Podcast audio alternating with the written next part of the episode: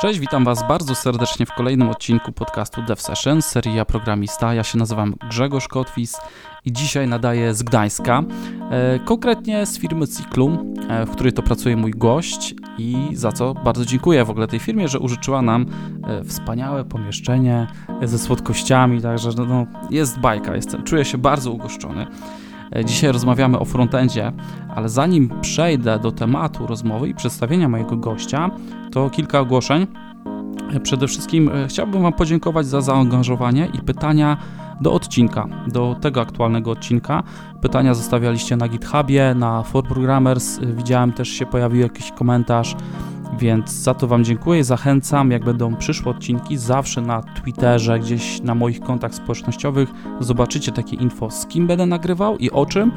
I wtedy możecie zostawiać jakieś nurtujące Was pytania, wątki e, do tematu rozmowy. Poprzedni odcinek.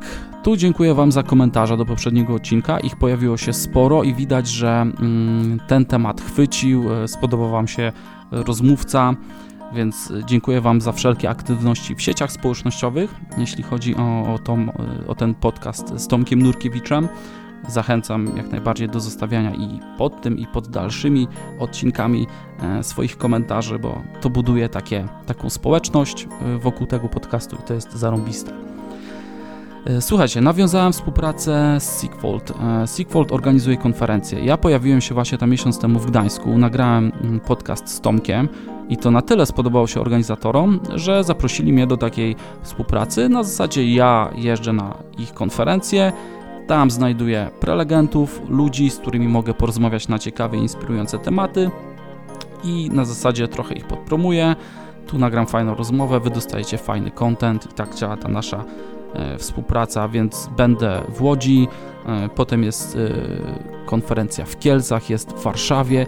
W międzyczasie jeszcze będę w Gdańsku na InfoShare i myślę, że tam też się uda nagrać naprawdę ciekawe rozmowy, wywiady.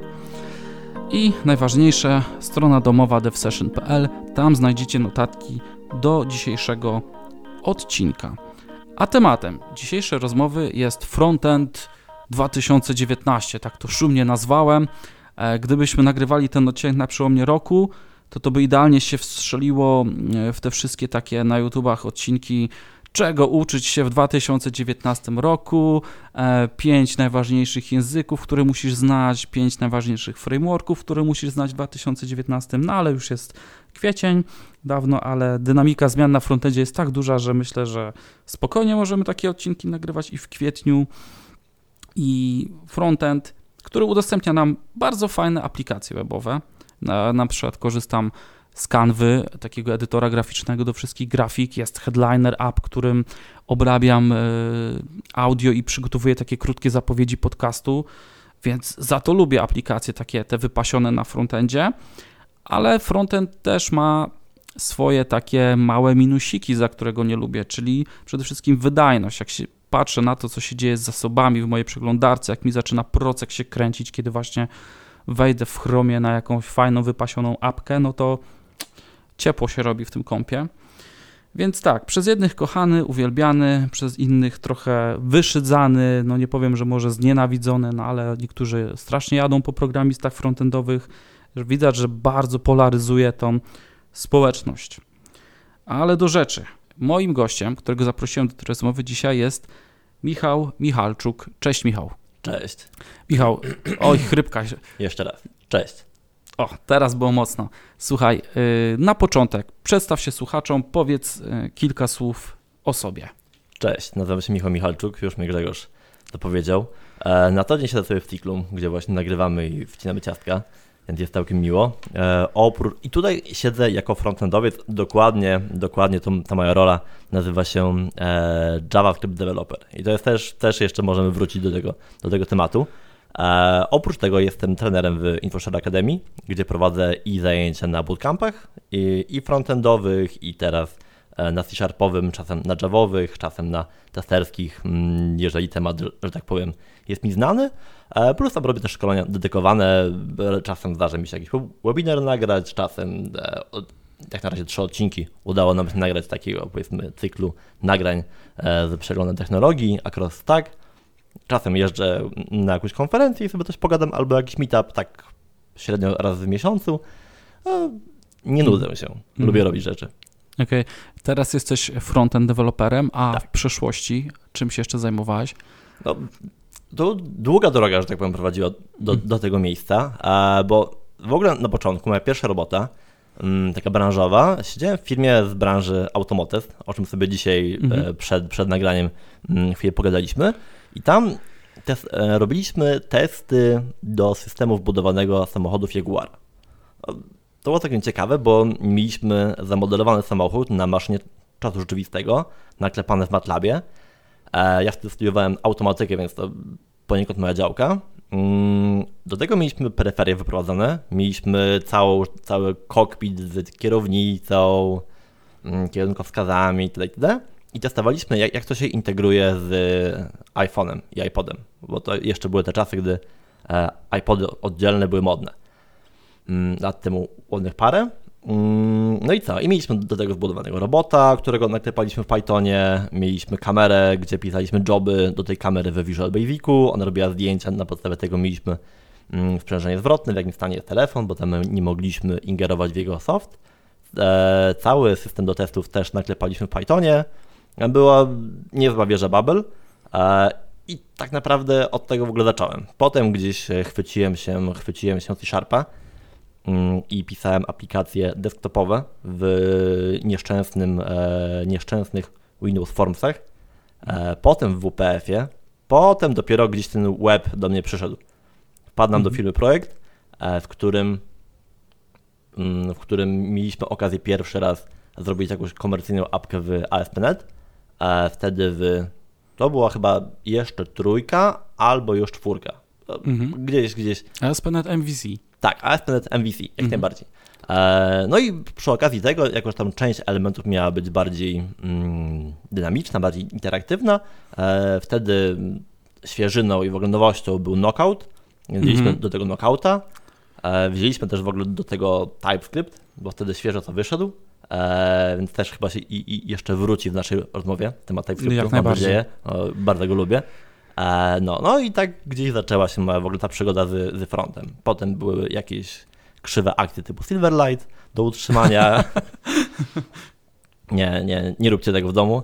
E, no i, a potem generalnie już, już e, w całości poszedłem w, taką robotę bardziej, bardziej full stackową, a, a tu rozwijałem właśnie apki w ASP.NET, potem w ASP.NET Core, a tutaj drugą nogą mm, głównie działałem w, w Angularze. No i teraz się przeniosłem 100% na, na front. Od, Mhm. jakiegoś, od jakiegoś roku, gdzie głównie siedzę właśnie jako frontendowiec, plus jakąś usługę w Node.jsie, drugą nogą gdzieś tam utrzymujemy Mhm. z kolegami. Taka usługa w Node.jsie, który jest postrzegany jako taki korowy framework, y, czy korowe narzędzie do- y, na froncie. Mhm. To bardziej mówicie, że to jest taki backend na, na froncie, czy fr- nie wiem jak to nazwać. To jest, to jest po prostu backend. Ja bym powiedział tak, frontend to jest to, co działa e, u klienta w przeglądarce. Mhm. Tyle. A czekaj, czekaj, bo ja mam tutaj, mm, przygotowałem się. Dobra. Definicja frontendu, słuchaj, na Wikipedii znalazłem. O, co prawda, dobra, co dawaj. prawda angielską, więc przeczytam najpierw po angielsku, a potem ją e, przetłumaczymy. Front-end web development, also known as a client-side development, is the practice of producing HTML, CSS, and JavaScript for a website or web application so that a user can see and interact with them directly. Jak dla mnie, to tu wychodzi, że taki front-end web development to jest nic innego jak wytwarzanie HTML-a, CSS-a i JS-a dla Mhm. klienta, nieważne przy użyciu jakich narzędzi. Generalnie ja się z tą definicją zgadzam. Jest ok? Jak dla mnie jest, Jest okej. ok? tak. Okej, to plus dla kogoś, kto to wpisał na, na Wikipedię i zedytował. Potem jeszcze mm, jest dopisane, że e, the objective of designing a site is to ensure that the, when the user open up the site, they see the information in a format that is easy to read and relevant.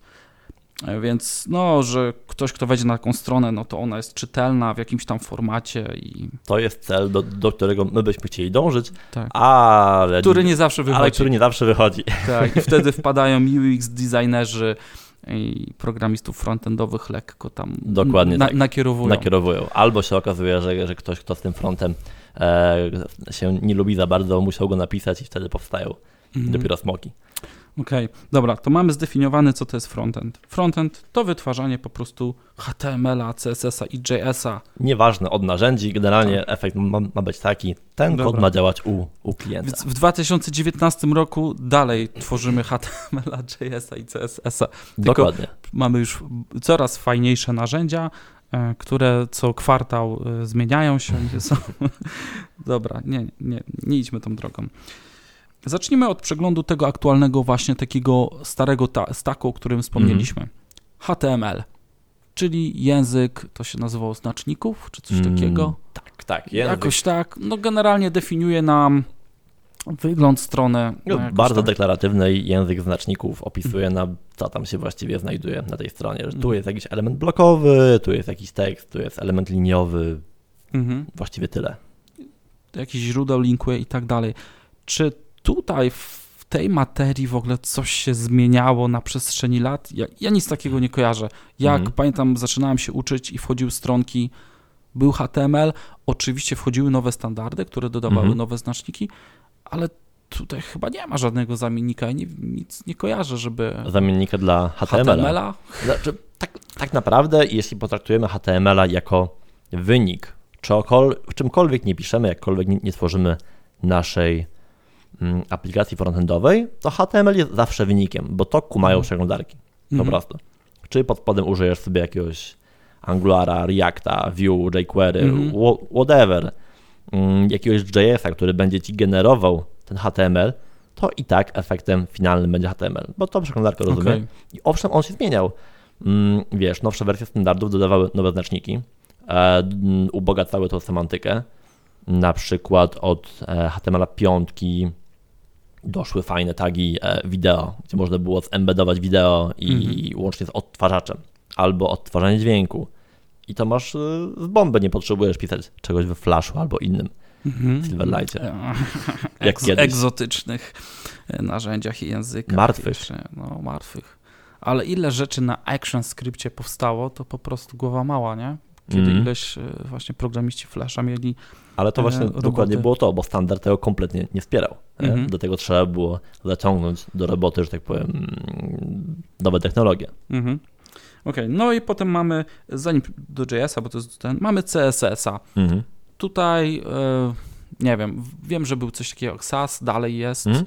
i coś jeszcze w tej, w tej materii CSS-owej w ogóle, Mm, co tam słychać?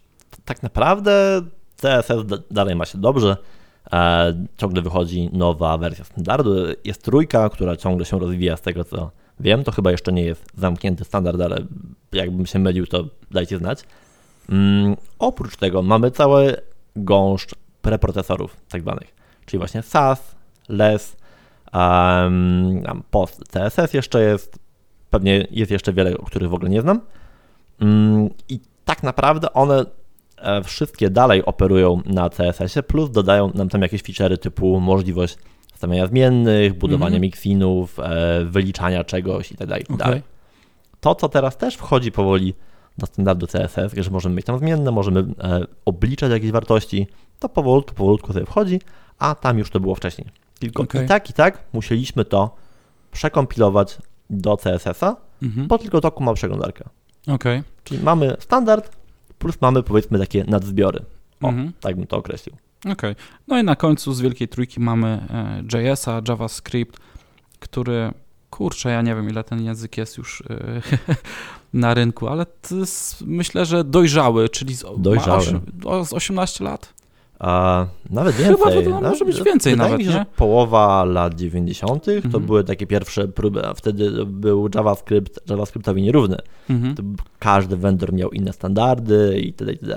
Ale Mhm. chyba z 20 par lat już. Kurczę, no ja pamiętam, że była trochę cisza o nim. Nie wiem, w którym roku ten boom taki nastąpił. Czy to właśnie z, po tym, jak Flash zaczął upadać. Już nie śledzę tak tych wykresów. Może śledzę, ale nie zapamiętuję tych Mhm. danych. No ale no, nie ma co ukrywać. JS jest na topie.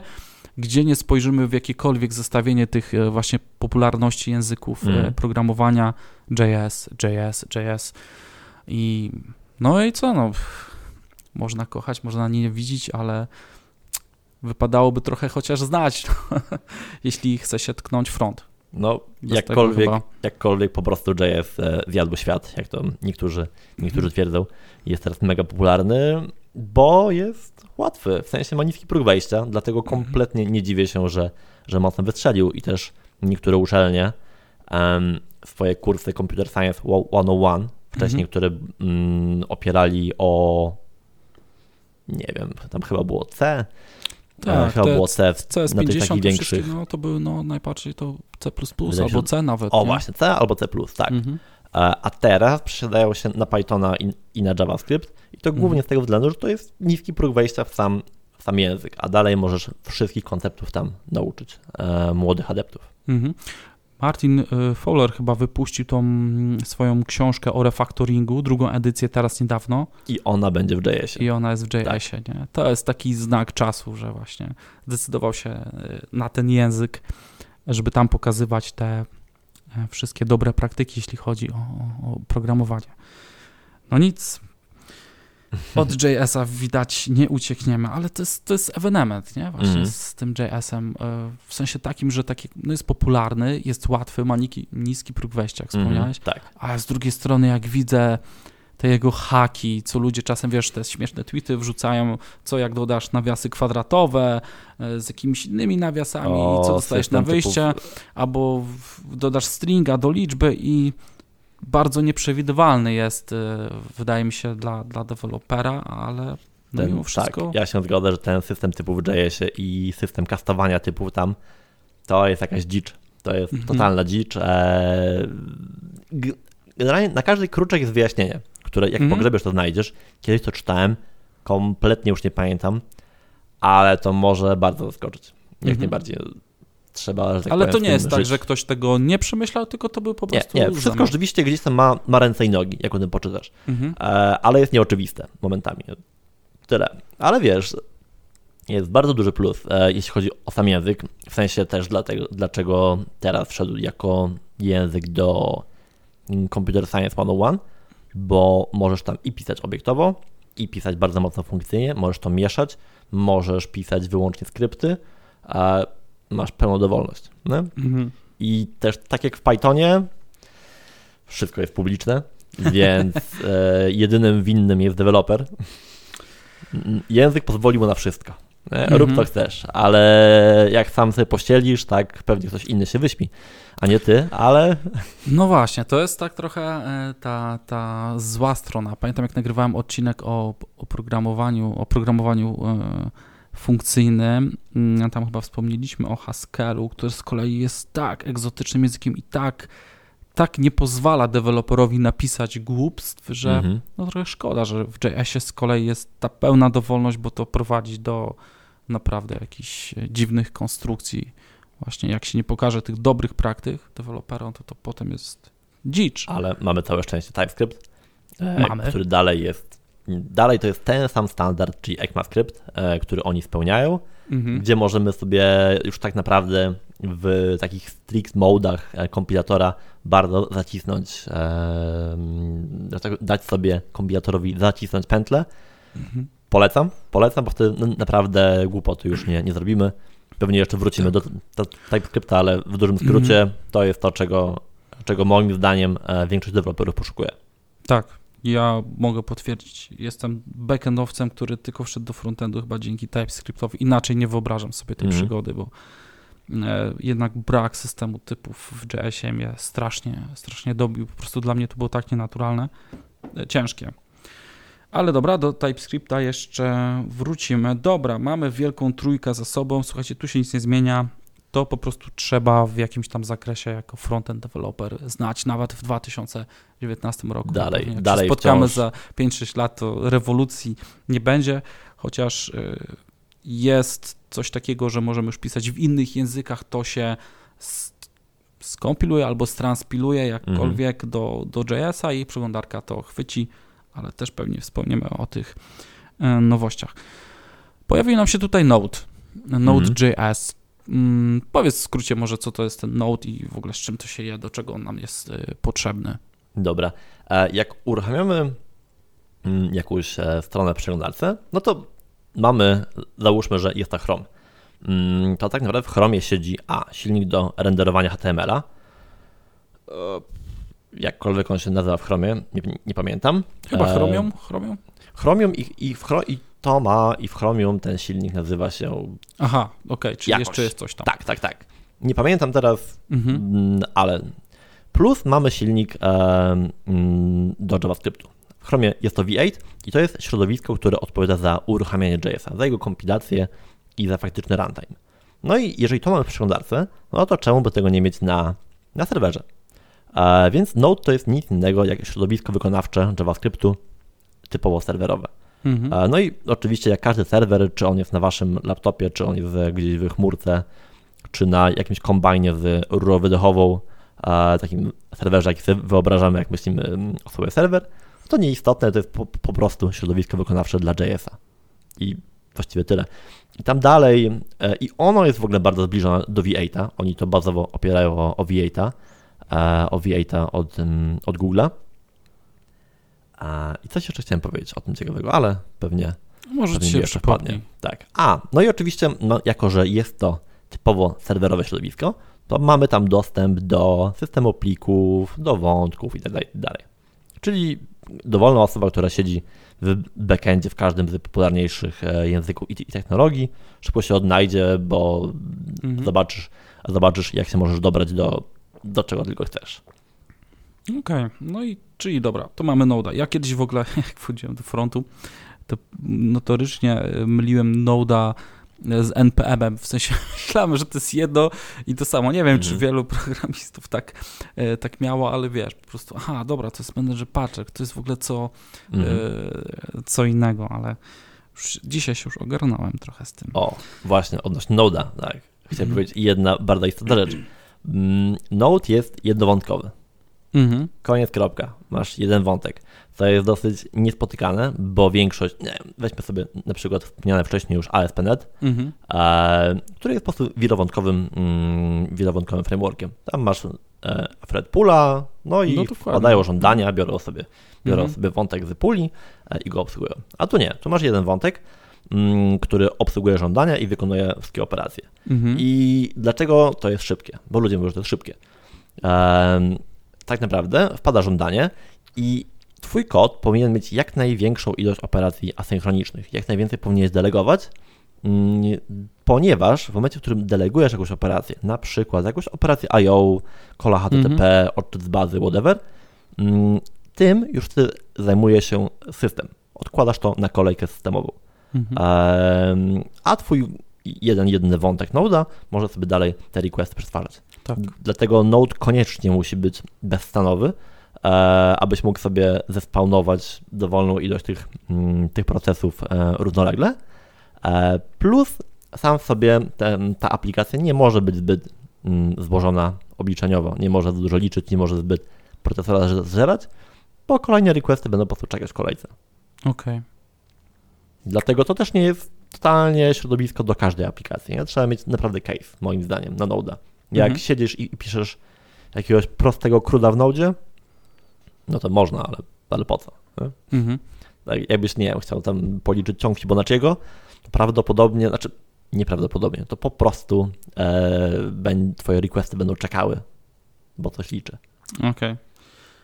Po co no? No po co krót? No w ogóle po co krudy pisać? Trzeba coś innego szukać. Koniec. y, Krudy są już zabronione w 2019. No, od tego nie odejdziemy. Wszystko się kończy krudem. Mamy tak, Angulara, Reacta i Vue. I mamy 2019 rok i chyba tutaj nic nie widać, co by miało zagrozić pozycji e, tych frameworków. Jak ty w ogóle postrzegasz te, te trzy? Jak widzisz je, czy korzystałeś z wszystkich trzech i Mhm. jakie masz zdanie o nich? Mm, typowo komercyjnie wyłącznie używam Angulara i wcześniej AngularJS-a e, z tej trójki. Mm, Niekomercyjnie zdarzyło mi się jeszcze popełnić trochę, a trochę rzeczy w, w Vue. W Reactie tylko, tylko, że tak powiem, musnąłem go parę razy tak mhm. czysto testowo, raz na jakiś czas sobie odświeżam, e, odświeżam go, aby zobaczyć, co nowego, co nowego wyszło. Więc e, odnośnie React to nie mogę się jakoś super wypowiedzieć, e, ale jak ja na to się zapatruję, tak naprawdę każdy framework, tudzież biblioteka to jest, to jest trade-off. Rozwiązuje ci masę problemów, przy okazji generując masę, masę nowych. No już nagle się nie użerasz z mm, przeglądarką, tylko użerasz się z frameworkiem bądź z biblioteką i jego specyfiką.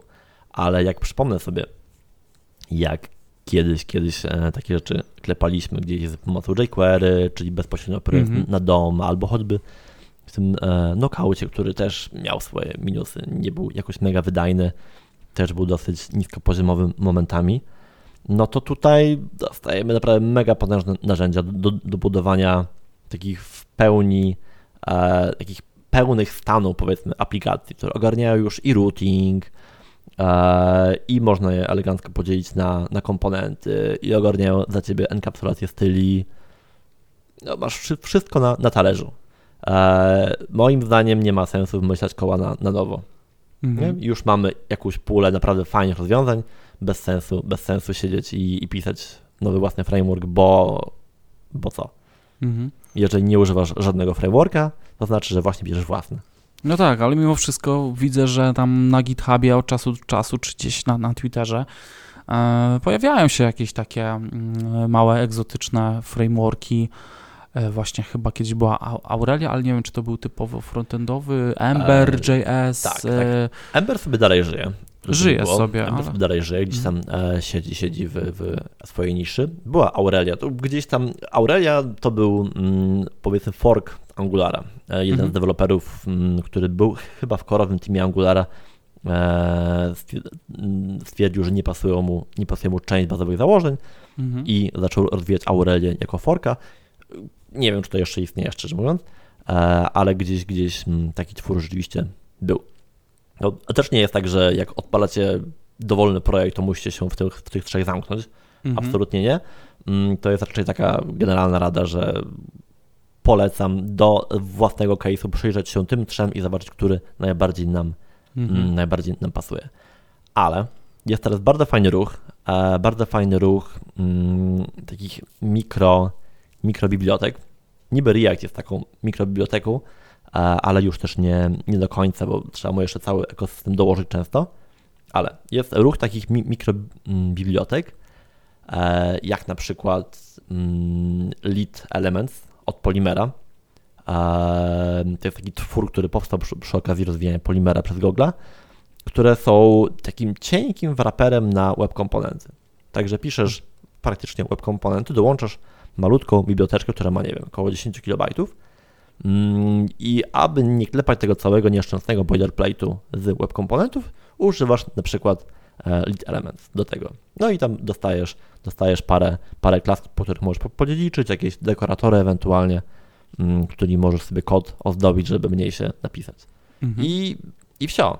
I to jest moim zdaniem bardzo fajna rzecz, bo jeżeli masz jakąś stronę e, MVC, typowo MVC i potrzebujesz mieć, no nie wiem, jedną tabelkę, która jest bardziej interaktywna, jest bardziej dynamiczna, to po cholerę tam pchać jakiegoś grubasa i jakiś wielki framework. Mhm. Jak twoim problemem jest ta jedna tabelka. Okej, okay, no to wygląda rozsądnie jakby. Prawda? Tak, tak teraz to, to, to, co mówisz. E, web komponenty mam wpisane, to jeszcze mm. pewnie porozmawiamy o nich, bo to jest chyba taki trend, który właśnie mm, się coraz mocniej zaznacza mm.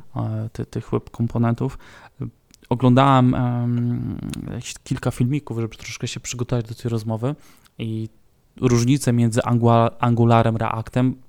Reacta w życiu nie tknąłem, ale mhm. właśnie to, co wspomniałeś, że Angular to jest taki pełny, zamknięty framework, routing, e, szablony, nie wiem, nawet chyba wywołania te całe asynchroniczne do, do web serwisów, te kole, a jak sobie wszystko tam po prostu tak. masz, wszystko. Byś chciał apkę od A do Z stworzyć, a React jest taki cienki, tam musisz dorzucić trochę mu do niego, on ma szablony, czyli to, co tam troszkę bardziej potrzebujesz na froncie, ale nie ma właśnie tego routingu, mhm. e, może ten e, przechowywania tego stanu aplikacji, tych, mhm. e, tych rzeczy. Spróbuję może mm, rozwinąć trochę tą różnicę, bo to, co powiedziałeś, Angular to jest gotowy framework. A tam masz dokładnie wszystko. Chcesz stworzyć aplikację typu mm, SPA, czyli single, single Page App, czyli powiedzmy aplikację, która ma e, taki bardziej desktopowy look and feel, wszystko ma się dziać po stronie klienta, tu ma latać, tu się przesuwać, mm, bez, żadnych, a, bez ani jednego refresha. E, moim zdaniem jest do tego wtedy do tego idealny, masz wszystko na talerzu, masz gotowe guideliny, niczym się nie, nie musisz przejmować, wiesz, że każdy powinien pisać to samo, ponieważ to jest z góry ustandaryzowane. Potem e, obok tego mamy Reacta, który chwali się, że jest biblioteką, a nie frameworkiem. I tutaj mają pełną rację, rzeczywiście to jest stosunkowo ma mała e, biblioteka, mm, która tylko i wyłącznie ogarnia tworzenie komponentów i ich cykl życia, plus renderowanie tego. No, plus teraz jeszcze kontekst. Ale ogólnie ma dosyć ograniczoną pulę e, odpowiedzialności, jak to ma biblioteka. Ma robić rzeczy. Mhm. Plus, jeżeli chcesz sobie to potem mm, rozszerzać, budować wygodnie formularze, zarządzać wygodnie stanem, mm, budować e, większą modularną aplikację, dodać routing, to musisz dołożyć sobie kolejne, kolejne pakiety, które już często gęsto są rozwijane przez community. Mhm. One niekoniecznie są już przez samego Facebooka, który tworzy Reacta, budowane tylko gdzieś tam przez szeroko pojęty community, które jest bardzo duże, bardzo prężne i bardzo fajnie, bardzo fajnie działa. Mhm. E, więc jak to podkładasz do kupy, to tak naprawdę wychodzi ci z tego, to moim zdaniem, to samo co Angular. Tylko tam to masz w jednej, w jednej, że tak powiem, e, nie, nie w jednej paczce oczywiście, ale masz w jednym, że tak powiem, zbiorze e, rozwiązań od Google'a plus trochę e, od innych dostawców, a tutaj musisz sobie skompletować to samodzielnie. Ludzie to bardzo lubią, że mam, że w Reakcie ma się taką pełną swobodę wyboru. Użyję czego chcę. Framework mi nic, to nie jest framework, właśnie. Mm -hmm. React mi niczego nie narzuca, mogę sobie wybrać rzeczy od dowolnego dostawcy, dowolne biblioteki, to połączyć i będzie hulało. W Angularze raczej jest jakaś jedna podstawka, na której każdy jedzie, e, więc jest to bardziej ustandaryzowane. Wygodniej moim zdaniem zacząć, nie trzeba się docierać z tymi rzeczami, wszystko się dzieje w dokumentacji. No i jeszcze obok tego mamy Vue, e, które jest bliższe, bliższe Reactowi, to jest też dosyć mała, ale już nie biblioteka, ale też framework. On już też ma w sobie routing, e, ma całe zarządzanie cyklem życia i tak dalej. Też możemy do tego dołożyć różne i podłużne biblioteki, aby to, aby to rozwinąć, ale jest o wiele lżejsza. Jest bardziej bliższa mm, takiemu naturalnemu poruszaniu się po dom. Mhm. O, tutaj istotna rzecz. Angular nakłada taką bardzo grubą warstwę abstrakcji nad całym, nad DOM e, i nad e, tymi manipulacjami. React i Vue mniejszą. Tam raczej musimy się, e, musimy gdzieś, gdzieś Mm, rozwiązywać problemy typowo związane z JavaScriptem, czasem typowo związane z DOM, niż problemy frameworka. W Angularze głównie rozwiązujemy problemy frameworka e, bardziej niż językowe bądź operacji, operacji e, na DOM. Tych staramy się unikać wręcz. Mhm. O, okay. tak, tak mniej więcej mógłbym je, mógłbym je e, nakreślić. No i ludzie mm, nazywają Vue nowym jQuery, ale to głównie dlatego, że też mam mega niski próg wejścia, bardzo mhm. szybko się go uczy, e, bardzo szybko można bardzo, można fajną, dynamiczną aplikację w nim napisać. Dlatego mhm. jest teraz. Pnie się no, bardzo nowym, szybko nowym w ostatnim czasie. Jeśli chodzi o te trendy takie, tak. to Vue bardzo tam się mocno. Tak. No i e... oczywiście w każdym z nich możesz stworzyć dowolnej wielkości aplikację, czy to jakieś maleństwo, czy to duży, duży projekt. Mhm. Tutaj nas nic nie, nie ogranicza. Ciekaw jestem, jak się skończy ta, czy skończy, ona się chyba dopiero rozkręca, ta przygoda mm, Vue z społecznością deweloperską. To jest framework w ogóle, za którym aktualnie nie stoi żadna firma. To też jest duża różnica, bo Angular to jest y, Google, Google. React, Facebook, a Vue po prostu taki satelitarny projekt, nie? który gdzieś tam e, teraz się mm, ta e, społeczność, może programiści, którzy są mm, w kontrybucję tam zaangażowani, rozszerzyła się mocno, ale to za, zaczynał to chyba tam jeden Japończyk, Chińczyk, Azjata, no ktoś z, tak, z tamtej tak, części tak. świata, tak sam to po prostu rozwinął i naprawdę. I on w którymś momencie odpalił Patronite'a. Eee, nie pamiętam ile, ile tam mhm. tysięcy tysięcy baksów, ale ileś tam tysięcy baksów uzbierał miesięcznie Mhm. i przeniósł się full time na rozwijanie Vue. Więc też ciekawy model. Pogratulować, powinszować, Mhm. że komuś udało się Tak.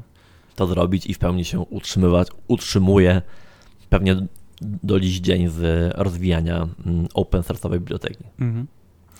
Wiesz co, tak mnie teraz też naszła myśl, może zrobimy taki szybki przeskok. Mhm. Właśnie tak jak e, ten deweloper zauważył potrzebę kolejnego frameworka, bo to jest kolejny framework, mamy ich wiele na rynku. Skąd wynikają te potrzeby? Dlaczego deweloperzy cały czas poszukują, wiesz, nowych rzeczy, wymyślają kolejne frameworki? Zawsze mamy w nagłówku, to jest nowy framework, który rozwiązuje problemy poprzednich, jest szybszy, jest wydajny, lżej się w nim pisze. Nie mija rok i znowu mamy nowy, który mówi, że jest lepszy od tamtego. Wiesz, tak wydaje mi się, że każdy na początku pisze pod swój case. O, ja miałem z nimi takie problemy, ja w moim projekcie, to znaczy, że wszyscy inni na bankie je też mieli, napiszę coś, co je rozwiąże. No i Mhm. okej, no, e, mój pro- problem został rozwiązany, ale pojawi się gro innych, których nikt nie przewidział. E, więc wyjdzie inne rozwiązanie, które e, załata tamte problemy, a jeszcze inne zostawi nie, niezaadresowane. Wydaje mi się, że to jest jeden, jeden z powodów. No tak, pewnie jeszcze się pojawiają może jakieś e, potrzeby od stron mm, takich typowo właśnie aplikacyjnych, wymagań aplikacji, co ma aplikacja oferować i może w tych frameworkach jest no szybciej wiadomo to, to, to za, za, zaprogramować w jakikolwiek sposób. Nie I- mówię o tu jakiejś responsywności, dy, e, Też, dynamika. też jeszcze pomyślmy, kto jest odbiorcą.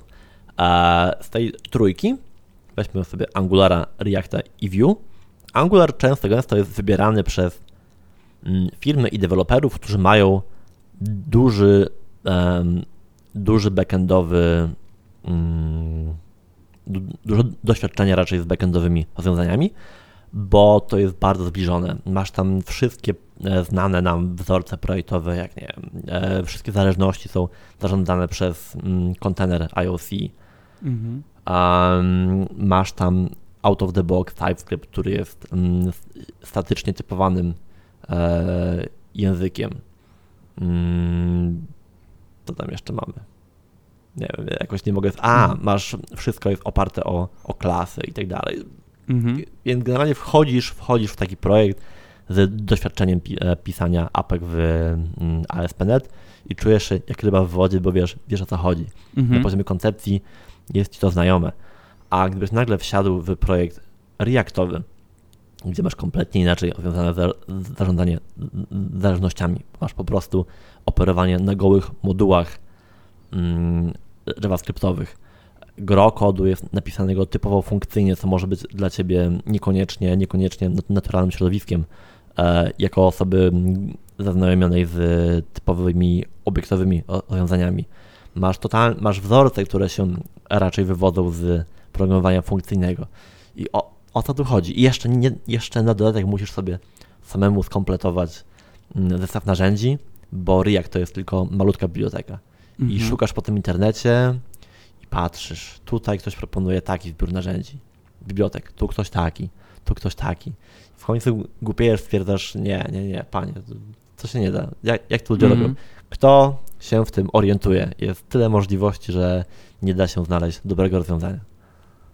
Okej, i wtedy no rzeczywiście takim naturalnym wyborem ten Angular, który jest taki może bardziej upoczątkowany, duża kobyła, ale Tak. wydaje się takim naturalnym. A potem jeszcze e, powstaje sobie obok Vue, który stwierdza, że React w sumie jest fajny, ale tam trochę rzeczy jest przekomplikowanych, my to zrobimy e, odrobinkę prościej, wydajniej, wymyślimy jeszcze własny mechanizm renderowania i śledzenia zmian. I jakoś to wystrzeliło. Nie? Także stał się Mhm. rzeczywiście e, jednym z najpopularniejszych mm, frameworków aktualnie na rynku. Mhm. Mamy coś e, w takiego, co jakąś taką wschodzącą nową gwiazdę? Coś tam się pojawia? Kojarzysz coś tam? Mm, Teraz? Nie. Ostatnio mi się e, rzucił, rzucił mocno w oko wspomniany chwilkę temu mm, Lead Elements, Mhm. taka właśnie mała biblioteczka, cienki wrapper na, na web komponenty. I to jest też w ogóle fajny, a- fajny kierunek, jeżeli nie potrzebujesz takich kobył, nie potrzebujesz pełnego frameworka, tylko potrzebujesz mieć parę web komponentów, które albo wrzucisz do Twojej aplikacji, albo e, wrzucisz je do innych aplikacji, typu, nie wiem, masz firmę, w której team A, team A pisze rzeczy w Angularze, team R pisze rzeczy w Reactie, team V pisze rzeczy w Vue, nie zagadali się między sobą, więc każdy pisze w swoim, no i potrzebujesz wspólnej, wspólnej biblioteki komponentów, no bo chcesz, żeby ten baton mhm. wyglądał zawsze tak samo, aby ten radio e, też tak samo, nie wiem, jakąś tam pulę, pulę wspólnej rzeczy mhm. chcesz mieć. Wtedy idealnie jest napisać Ci już też w dowolnej technologii e, zbiór web komponentów, które potem będziesz mógł wpiąć tu, tu, tu i tu. I kiedyś e, takim popularnym wraperem, bo ma, mało kto robi to ręcznie, bo to jest turbo niewygodne, e, klepanie ręcznie, mm, ręcznie web komponentów. Kiedyś był popularny Skate.js do takich rzeczy. Też jeszcze Polimer parę lat temu wyszedł, też próbują, próbował się w to wgryźć. Teraz właśnie z Polimera się fajnie wydzieliło e, Lead Elements. Jest jeszcze taki nowy twór, o który ktoś się pytał. Nazywa się sy, sy, sy, sy coś. Y, Svelte, tak? Svelte? Svelte, czekaj, czekaj. Tak, to jest, pojawiło się w pytaniach od y, Svetle. Svetle, tak, tak, dokładnie. To, to też mhm też generalnie celuje, celuje w to samo. Stencil też, też celuje generalnie e, w ten segment. Mhm.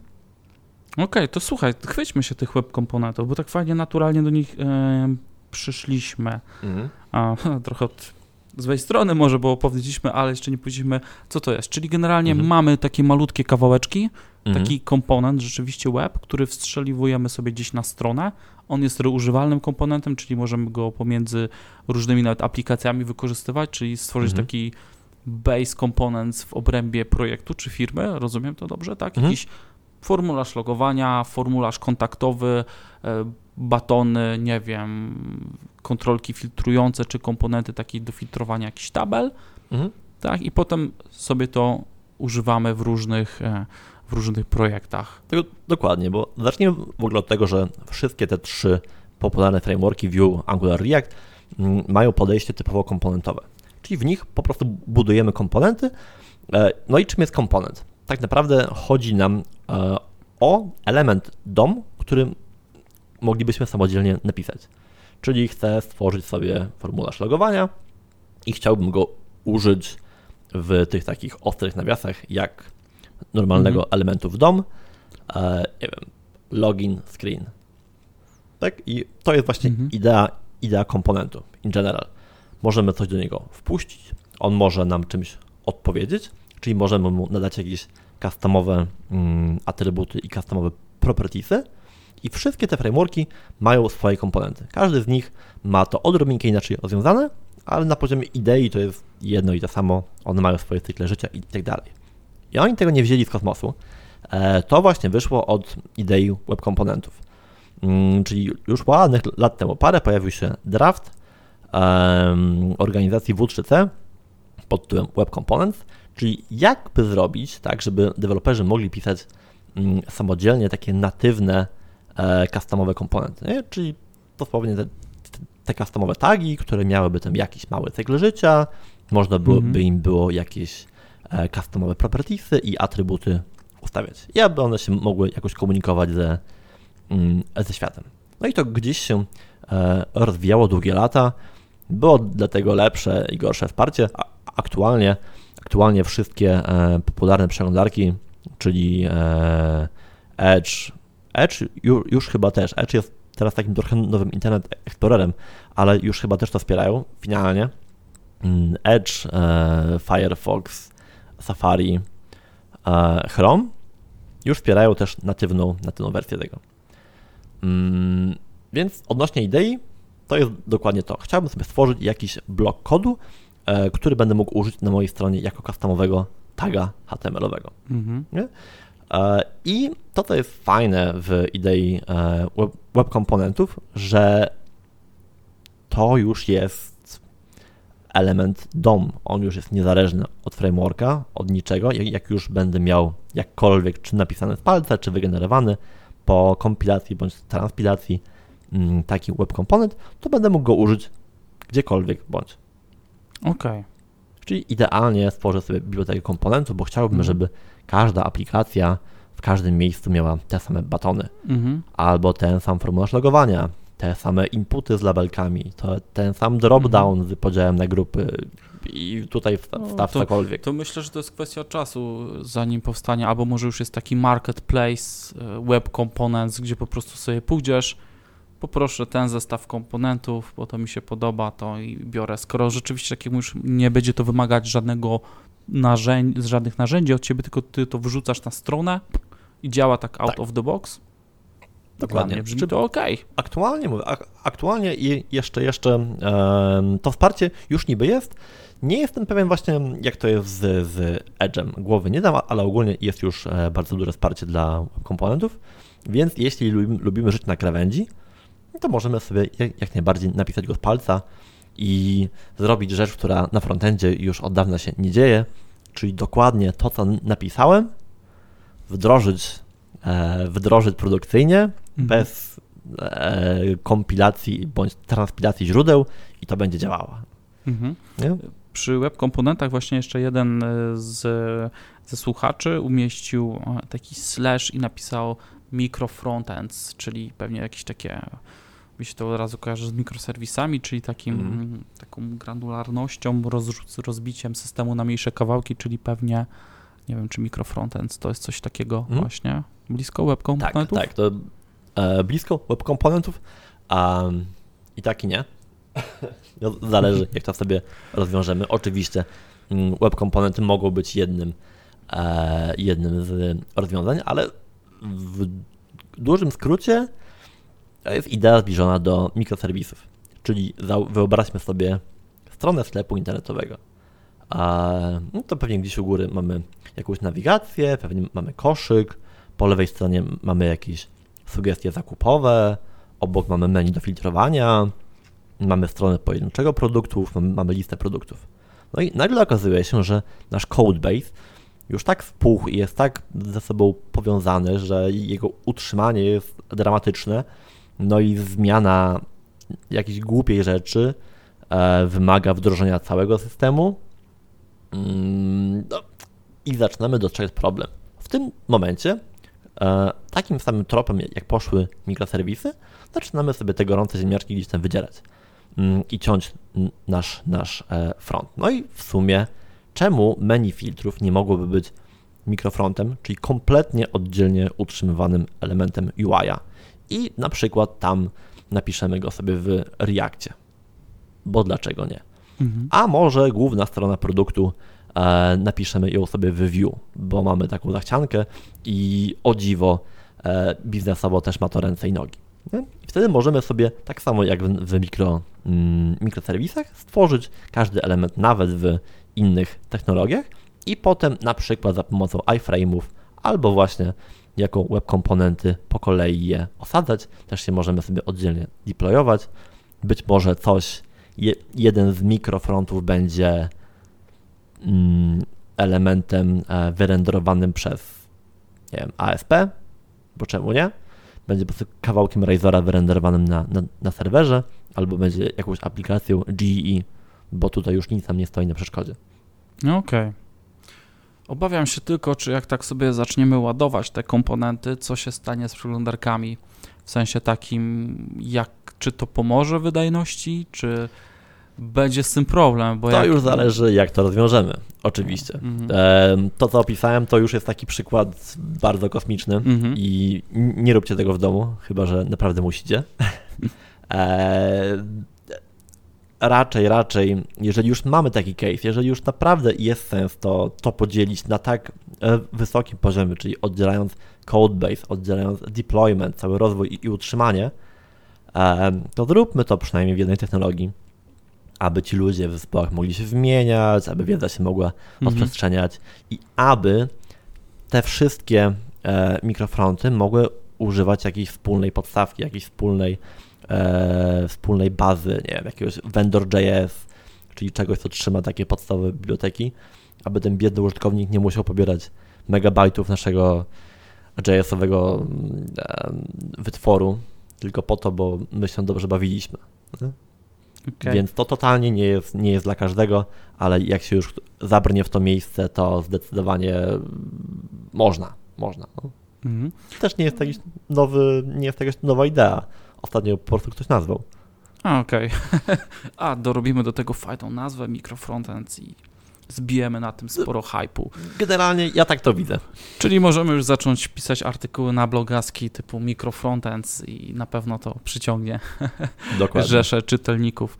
E, dobra, kolejny web, czyli teraz mieliśmy web components, y, a jeszcze dosyć mocno już tu wchodzi na salony coś takiego jak WebAssembly, Mhm. czyli ukłon w stronę backendowców, niskopoziomowców, którzy będą mogli się wyżyć, napisać apkę w Go, w Raście, w C++, w C++ webową, czy nawet w, w C-Sharpie i wrzucić to do przeglądarki.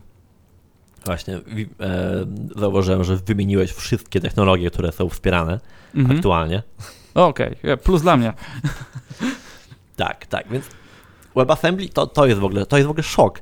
E, jak byłem na For Developers, e, Asia miała fajną prezentację właśnie o WebAssembly, że tak powiem, zacytuję ją, mówiła, Mhm. że to jest, to jest szok, że to jest pierwszy chyba standard, e, który tak szybko został zaimplementowany, bo mniej więcej w przeciągu roku, czy tam półtorej roku, od wyjścia standardu, i to jeszcze chyba draftu, wszyscy główni gracze zaimplementowali go u siebie. I to działa. Co się w świecie webowym nie zdarza. Kompletnie. Tam, Mhm. A tam No. sobie sa- Safari sobie to może kiedyś zrobi, bo, to, bo im się nie opłaca. Tam wiesz, tam Mhm. rzeczy płyną swoim, każdy sobie rzepkę skrobie, e, rzeczy tam płyną totalnie innym torem, a to faktycznie weszło mocno z buta. E, I jak to działa, dokładnie tak jak mówisz, będziemy mogli sobie mm, do WebAssembly, do, do WASMA, tak naprawdę do jakichś binarek em, skompilować nasz projekt napisany w C-Sharpie albo w Go, al, albo w Raście, albo C bądź C++. Mm, Nad tym jest mały interop w JavaScriptie. Em, No i przeglądarka będzie mogła sobie przez tego interopa, mm, interopa wykonywać, wykonywać ten, e, ten kod. Wszystko fajnie, ale na razie to jest tak niskopoziomowe, że jej by było trochę szkoda życia mm, na takie zabawy. E, Napisanie sklepu napisanie internetowego. Tak, tak, ale wiesz, no, potrzeba matków wynalazków, już powstają na to em, gotowce, jak na przykład Blazor mm, od Microsoftu. Y, Blazor bądź Razor Components. Aktualna nazwa to Już podobno... się dogadali? Znaczy-? Aktualna nazwa, na mój stan wiedzy sprzed tygodnia, to jest e, Razor Components.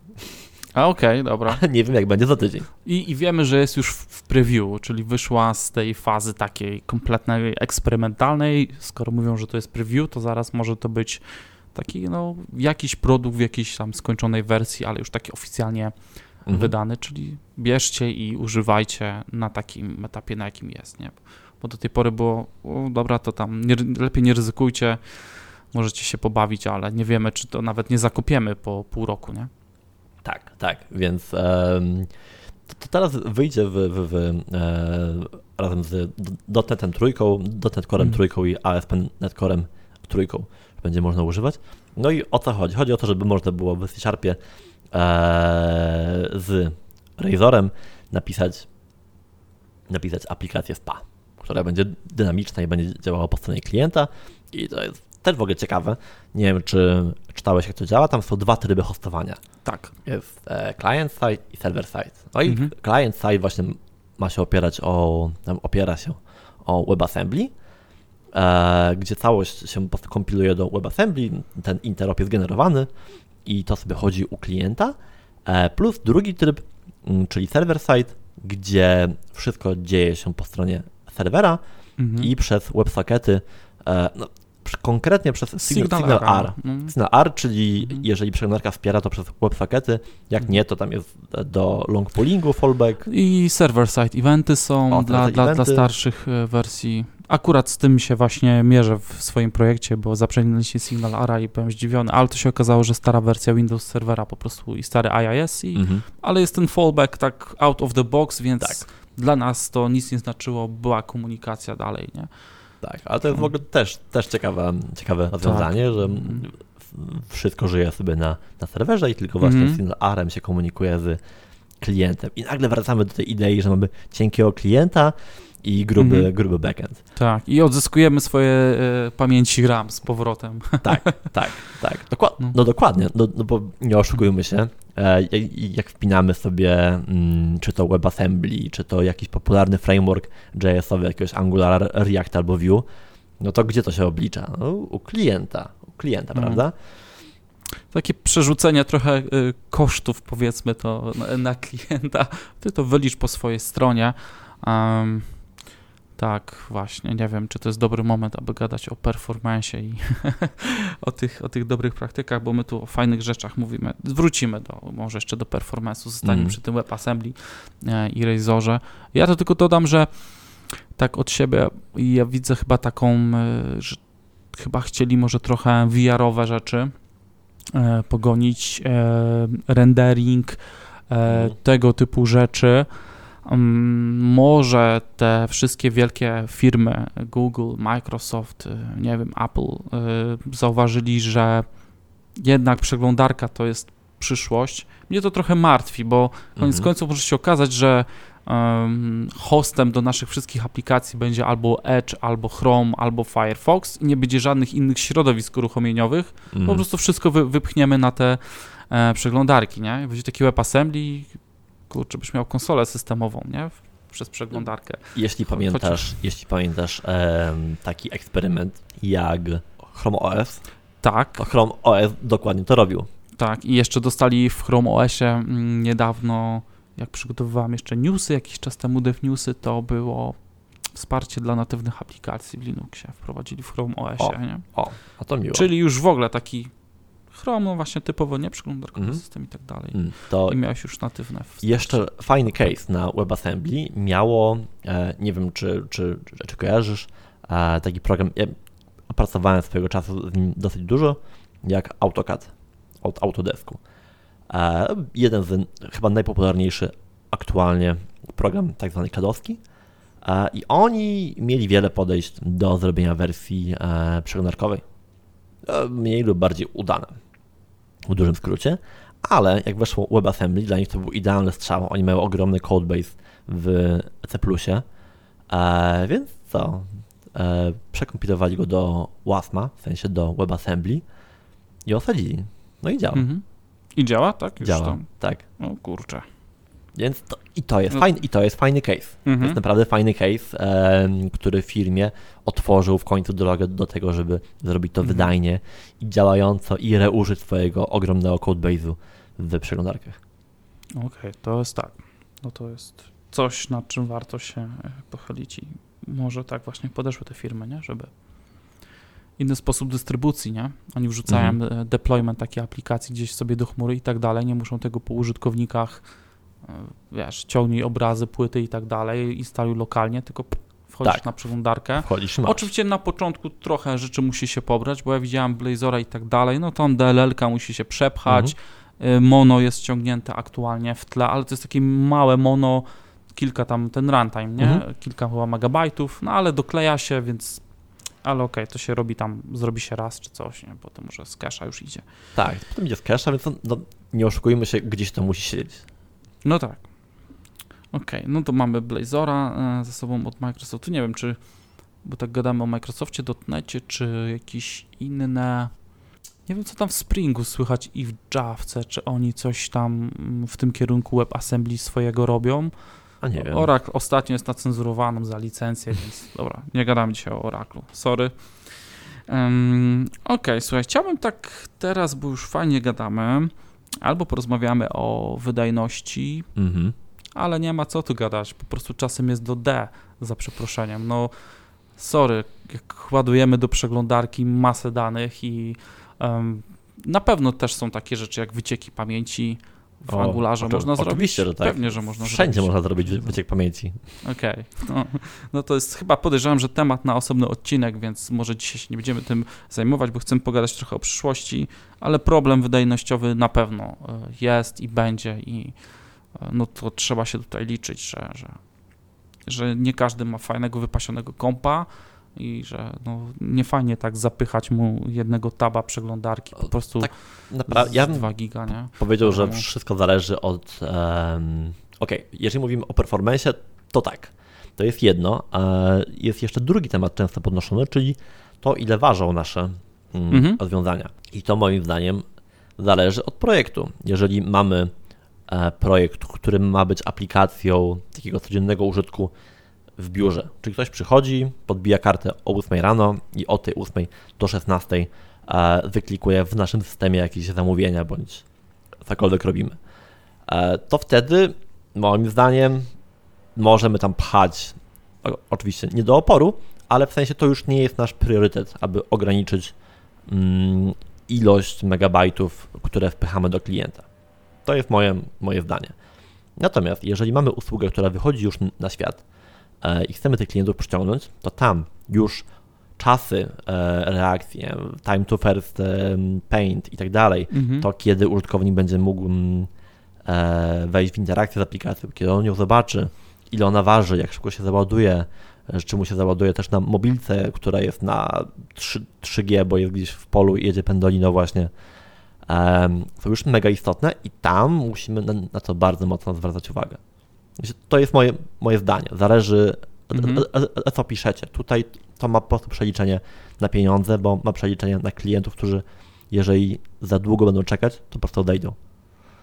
Natomiast w takich typowo biurowych rzeczach, owszem, my i tak, i tak staramy się e, gdzieś to optymalizować, włączać lazy loading tam, gdzie tylko możemy, ale to, to, nie, jest, to nie jest już cel biznesowy per se.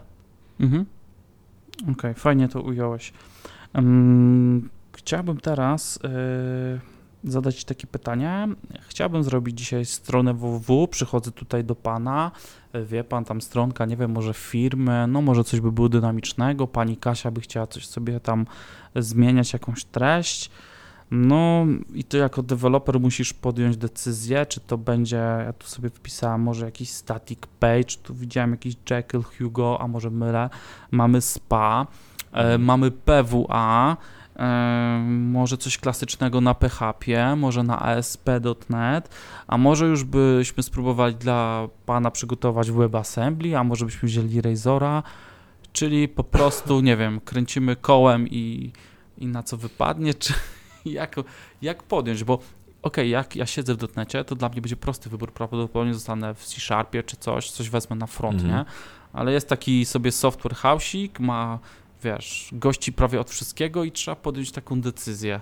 Jak się odnaleźć w ogóle w takim, w takim gąszczu tego, tych, tych znaczy, rozwiązań. Oprócz tego, że i tak każdy software house spojrzy na to, kto jest aktualnie dostępny, bo to też się musi wpinać, to tak naprawdę zależy, co to ma robić. E, jeśli, o, ja bym do tego podszedł tak, no to szanowny panie, czy czy tu będzie dużo jakiejś logiki z tyłu, czy to ma być raczej jakiś prosty odczyt danych. Prosty odczyt danych? Ok, to wrócimy panu jakiegoś tak zwanego YAMA, czyli JavaScript API Markdown, czyli tutaj jakieś rzeczy typu e, Okej, okay, no, takie do, może do, być, do, do może być generowania statycznych. Tak, do generowania e, statyków, mm -hmm. no, może być Jekyll, nie, Jekyll będzie do statyków, co nie, to przepraszam, zamotałem się, poczekaj. Mhm. Mm. Ale wiem, że są takie rozwiązania, które generują właśnie czy to Markdowna, czy coś z jakichś setów danych, tak? O takim czymś? Tak, tak, tak. O czymś takim, o czymś mhm. takim myślę. Jest też taki fajny, e, mam teraz z tyłu głowy, e, taki fajna, fajna biblioteczka oparta o, o Reacta, która właśnie bardzo e, upraszcza budowanie stron z, z, templatesów. Mam z tyłu głowy, jak się nazywa. Mamy takie usługi jak Netlify, gdzie możemy sobie szybko coś wyhostować, postawić tam jakieś małe, e, małe API. Mamy Firebase od Google'a, gdzie możemy -hmm. sobie wpiąć Firebase do, do dowolnej aplikacji dosłownie w parę minut i mamy tam no SQL-owy storage, e, mamy tam mm, real-time update'y i to wszystko mamy za darmo. Jak potrzebujemy mieć tylko odczyt zapis, no to właściwie ten backend tam jest niepotrzebny. Nie? Wystarczy nam jakiś klient, mniej lub bardziej bogaty, plus jakaś usługa z tyłu. I wtedy, wtedy ok, wtedy w ogóle nie musimy się bawić w, w część backendową, to będzie hulało tak długo, jak wiesz, jak nie będzie potrzeba rozwijania jakiejś logiki po stronie, po stronie serwera. Więc tu ok. Potem idziemy dalej. No, szanowny panie, jak bardzo ta strona ma być dynamiczna? Um, ile ma tam się dziać? Czy ma mieć jakiś taki bardziej desktopowy uh, look and feel? Jeżeli tak, no to może warto pójść w jakąś aplikację, aplikację SPA uh, i wtedy wybrać Angulara, Reacta, albo Vue, albo coś jeszcze, jeszcze podobnego. Mm, Czym ma być tam dobre, e, dobre SEO? Jeśli tak, to musimy do naszej aplikacji SPA dołożyć jeszcze jakiś server-side rendering. E, I tutaj dochodzi nam znowu robota. Wybierzemy sobie jakiegoś Nexta, albo Angular Universal, albo Nuxta dla, dla Vue. Mm, ale może to jest dobry case na wzięcie jakiegoś klasycznego MVC, gdzie takie rzeczy jak SEO mamy właściwie z bomby i nie musimy się o to za bardzo, za bardzo martwić. Server-side rendering, no tak, to, o, to, o to w tym chodzi, więc mamy to już na, za darmo. Do tego dołożymy sobie jakiś mały, mały framework, małą bibliotekę do tych paru dynamicznych tabelek. Mamy projekt gotowy, Mhm. więc to nie jest takie proste. No właśnie, jakbym był w roli klienta, po prostu już jestem takim bardziej technologicznym klientem, to bym sam się teraz za głowę łapał, kurczę, wie pan co, dalej, nie wiem, nie, zróbcie, ma, ma być dobrze, Mhm. potem będziemy się zastanawiać, ale rzeczywiście ten wybór jest e, bardzo szeroki. Tak, i Bardzo. oczywiście wiesz, jeżeli masz młotek, to wszystko jest gwoździem i Mhm. wiadomo, że jedną technologią rozwiążesz lepiej lub gorzej, ale każdy problem, każdy problem naciągniesz do tej technologii, no ale to nie o to chodzi. Po to właśnie powstają różne rozwiązania, aby można je było zaaplikować do danego case'u. Mhm. Więc to nie jest tak, że wychodzi jutro e, nowy framework JS-owy, to Nie. koniecznie musisz go zapakować. Nie, nie, On- nie, tak nie jest. On prawdopodobnie jakiś problem rozwiązuje, Mhm. ale pewnie nie twój. No. Dobra, słuchaj, wiesz co, chciałbym jeszcze poruszyć, będziemy zbliżać się ku końcowi, tak myślę, jakoś tak fajnie to zamknąć wszystko. Nie powiedzieliśmy nic o TypeScriptie, Prawda. a to jest mój taki chyba jeden z bardziej ulubionych e, języków jeszcze poza Pythonem, który też e, lubię, ale TypeScript to jest coś, co pozwoliło mi, mi osobiście wejść do frontendu. Mhm. Jako takiemu gościowi, który siedzi- siedział w dotnecie, ja widziałem te JavaScript, te prototype i jakieś takie dziwne e, konstrukcje. W ogóle tam nie wiedziałem, co, o co tam biega.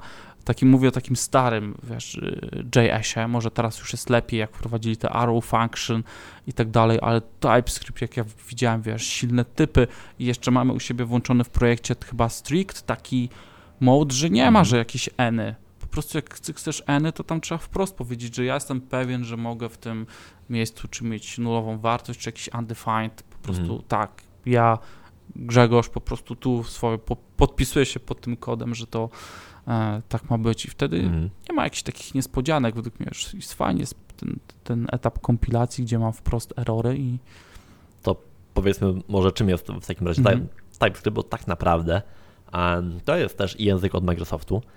Oni go zaczęli tworzyć w 2012 roku.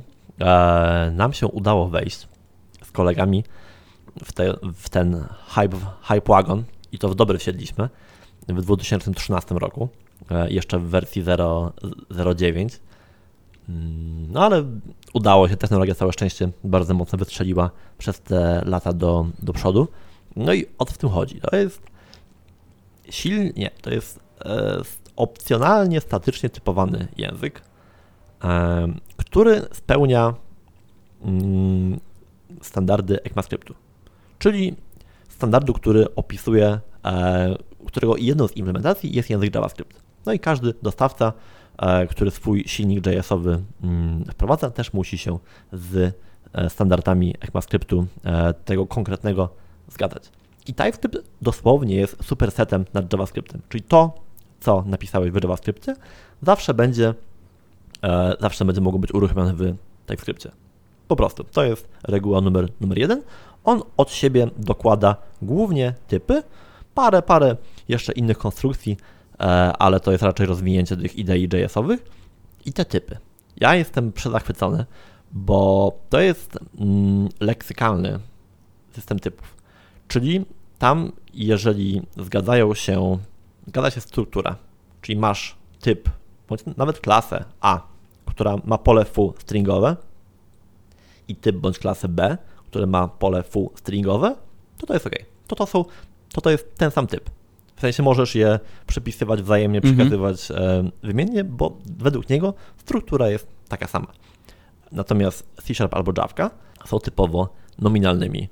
E, Mają typowo nominalne systemy typów, czyli tam już te dwie klasy A i B, mimo że mają identyczną stru- strukturę, mają inne metadane, to już Mhm. jest totalnie co innego. Tak.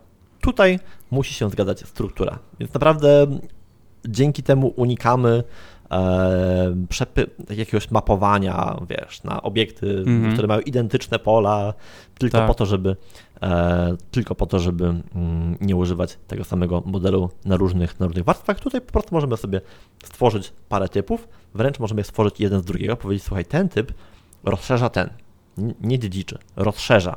Czyli w cudzysłowie przepis, prze- przepisujemy sobie z niego właściwości do Mhm. tego nowego, nowego typu i tyle. I potem przepychamy ten obiekt i wszystko jest ok. Nie musimy niczego mapować, bo jeżeli zgadza się struktura, to jest git.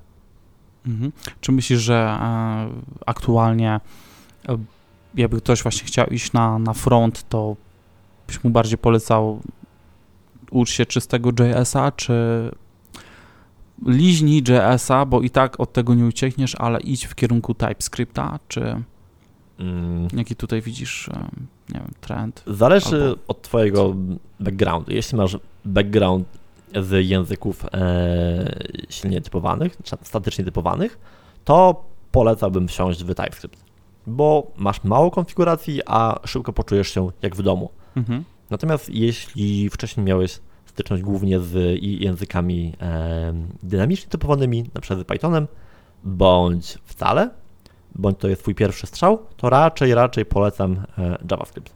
No i tak, i tak będziesz musiał do niego, do niego dojść i tak się tak naprawdę pisząc w TypeScriptie poruszasz się po JavaScriptie i tak musisz znać te konstrukcje i elementy języka, to i nic cię z tego nie, nie zwalnia. Mhm. Jeśli chodzi o ten e, rozwój, rozumiem, że Microsoft z TypeScriptem musi cały czas nadążać za JS-em i ich standardami ECMA. Tak. I to Za się jakby chyba nie zmieni, nie? No nic. Nie, to, to, to jest Mhm. jedno z założeń. E, Tutaj też warto, warto e, wspomnieć, że jednym z założeń TypeScriptu, i to jest oficjalnie u nich napisane w dokumentacji, że jednym z założeń jest to, że tam są tak zwane runtime boundaries. Czyli jeżeli coś już jest w runtime, to jest już oczywiście czysty JavaScript, bo musimy ten kod skompilować, tudzież transpilować, jak to niektórzy nazywają w tym wypadku, do JavaScriptu, to tam już nie mamy dostępu do typów. Nie? Tam już jest po prostu czyste JS-owe środowisko wykonawcze, typy już nie, nie istnieją. I oni tego nie wprowadzą, więc jeżeli chcielibyście tam wrzucić jakąś refleksję e, w runtime, no to już tak nie, niekoniecznie. To już się po prostu może, może nie udać. I to jest jeden z ich po prostu celów designu. Oni tego nie zamierzają zapewnić. Są jakieś projekty mniej lub bardziej egzotyczne, które to zapewniają, ale sam język nigdy tego nie będzie wspierał. Mhm. Bo nie, bo totalnie im o to nie chodzi. Masz potrzebę e, pobawienia się na poziomie, na poziomie typów, masz do tego oddzielne, oddzielne narzędzia, ale w runtime już nic nie tykaj. Okej, a jeśli chodzi o mm, e, JS-a i tą ECMę, e, co tam w ogóle słychać? W sensie mm, spodziewamy się czegoś konkretnego? E, To jest w ogóle ciekawe, bo aktualnie e, ten komitet techniczny mm, ECMAScriptu o, jest T39. Jak sobie piszecie w Google'a GitHub T39, to znajdziecie GitHuba komitetu, gdzie są wszystkie proposale em, Mhm. i mają odpowiednie stadia, że tak powiem, te propozycje nadane. Więc na bieżąco można śledzić, co tam wchodzi, a co nie. Ale bardzo wysoko i bardzo daleko już są propozycje na przykład z wprowadzeniem pól prywatnych e, albo z wprowadzeniem, mm, wprowadzeniem e, takich prawdziwych pipe'ów i pipe'owania, żeby można było sobie pisać elegancko, funkcyjnie. Mhm. Więc całkiem, całkiem to śmiesznie wygląda, bo naraz mamy dużo elementów takich stricte z programowania funkcyjnego, które lądują bezpośrednio w języku, a z drugiej strony mamy tutaj taką typową obiektówkę, która pakuje się, pakuje Mhm. się tam cały czas, bo i mamy możliwość przecież od dawna już e, tworzenia klas, takich klas, jakie znamy z Javki albo z Sharpa. Tam to pod spodem są prototypy, ale nieistotne. Możemy też sobie dziedziczyć po klasach, no, wiesz, oni dalej na dwie nogi stoją. Mhm. Ale jest fajne, bo daje ci wybór.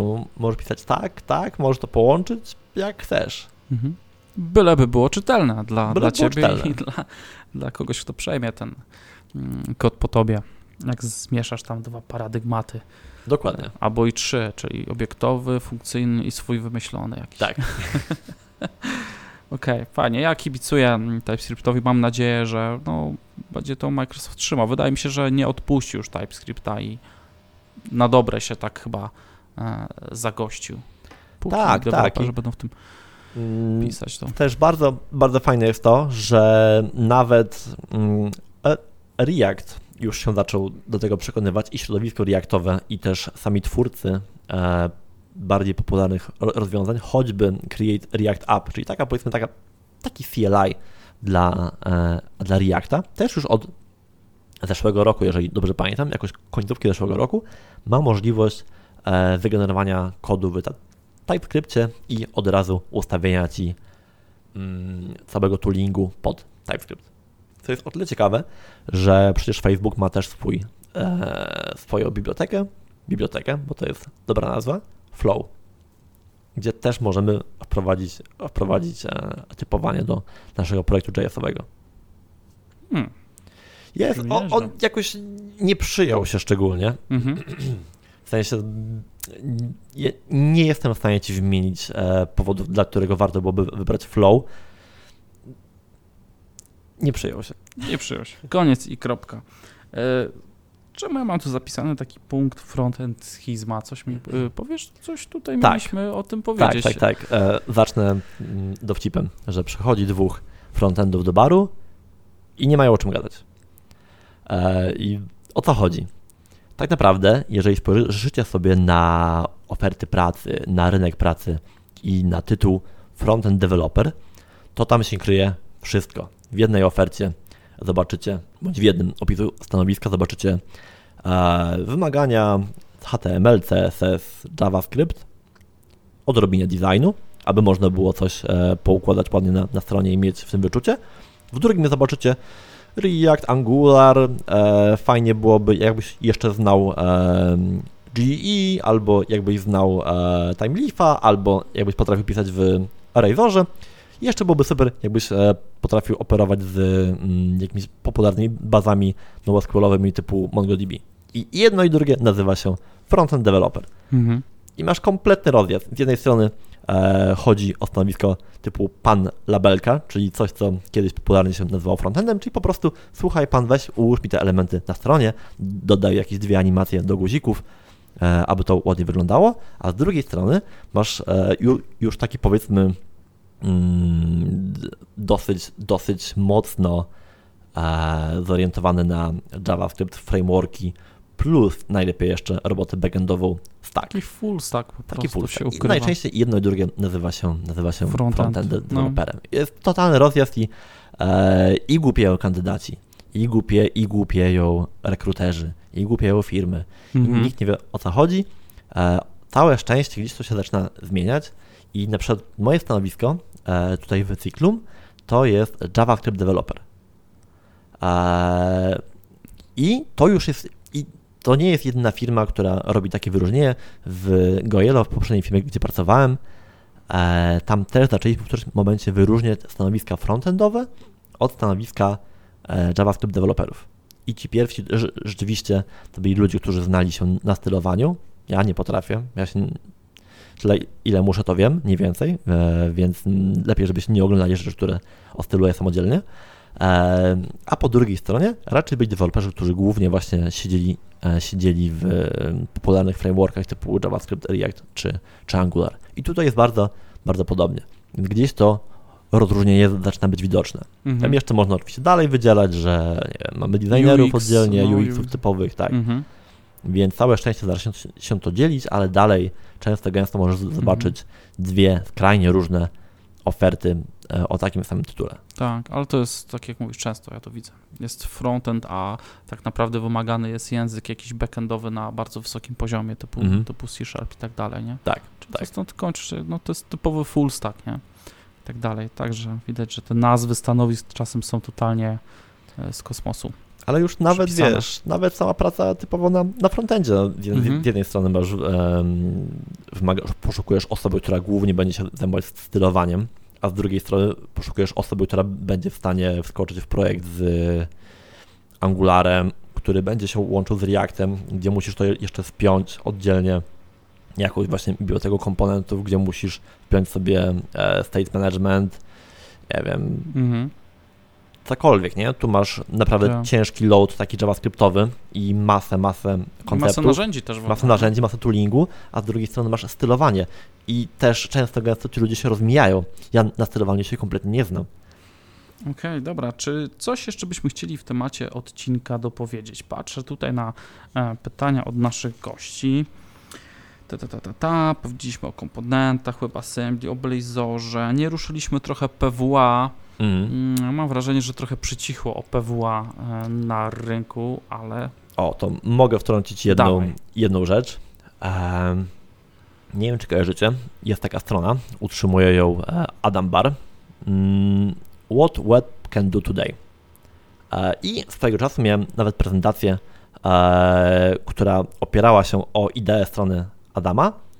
I tak naprawdę możecie tam wejść z dowolnej przeglądarki dowolnego systemu i zobaczyć, które popularne i mniej popularne API e, w waszej przeglądarce są dostępne. Czyli na przykład z takich bardziej egzotycznych rzeczy mamy e, z poziomu przeglądarki, mo, znaczy moglibyśmy mieć dostęp do e, czujnika natężenia światła. To Mhm. API gdzieś są umarło, ale moglibyśmy mieć. Mamy dostęp do, do wibracji w telefonie. Mamy, mieliśmy dostęp, bo to, to już chyba umiera powoli, do stanu baterii i tak dalej, i tak dalej. I tam możecie zobaczyć, jak to, jak to wygląda. I wspominam bez o tym, że miałem kiedyś prezentację, e, która opierała się o tą samą ideę, co strona Adama. No, idea była taka, że ludzie wchodzą na prezentację, wchodzą sobie ze swoich mobilek na, na moją stronę i każdy widzi tam, czy dany feature, który właśnie prezentuje, e, u nich działa, czy nie. Mhm. I na końcu robimy sobie małe podsumowanie, wyświetlam statystyki tej konkretnej grupy mm, w trakcie prezentacji. I jak robiłem ją pierwszy raz z półtorej roku temu, no to było czerwono. Eee, I na stronie Adama też było czerwono, wchodząc z różnych przeglądarek. Jak się tam wejdzie teraz, jest obrzydliwie nudno zielono, bo te standardy się w końcu rozpowszechniły, czyli dostęp do peryferiów już jest. Mhm. Jeżeli macie taką potrzebę, idźcie w to. Moim zdaniem PWA to jest fajny, fajny kierunek.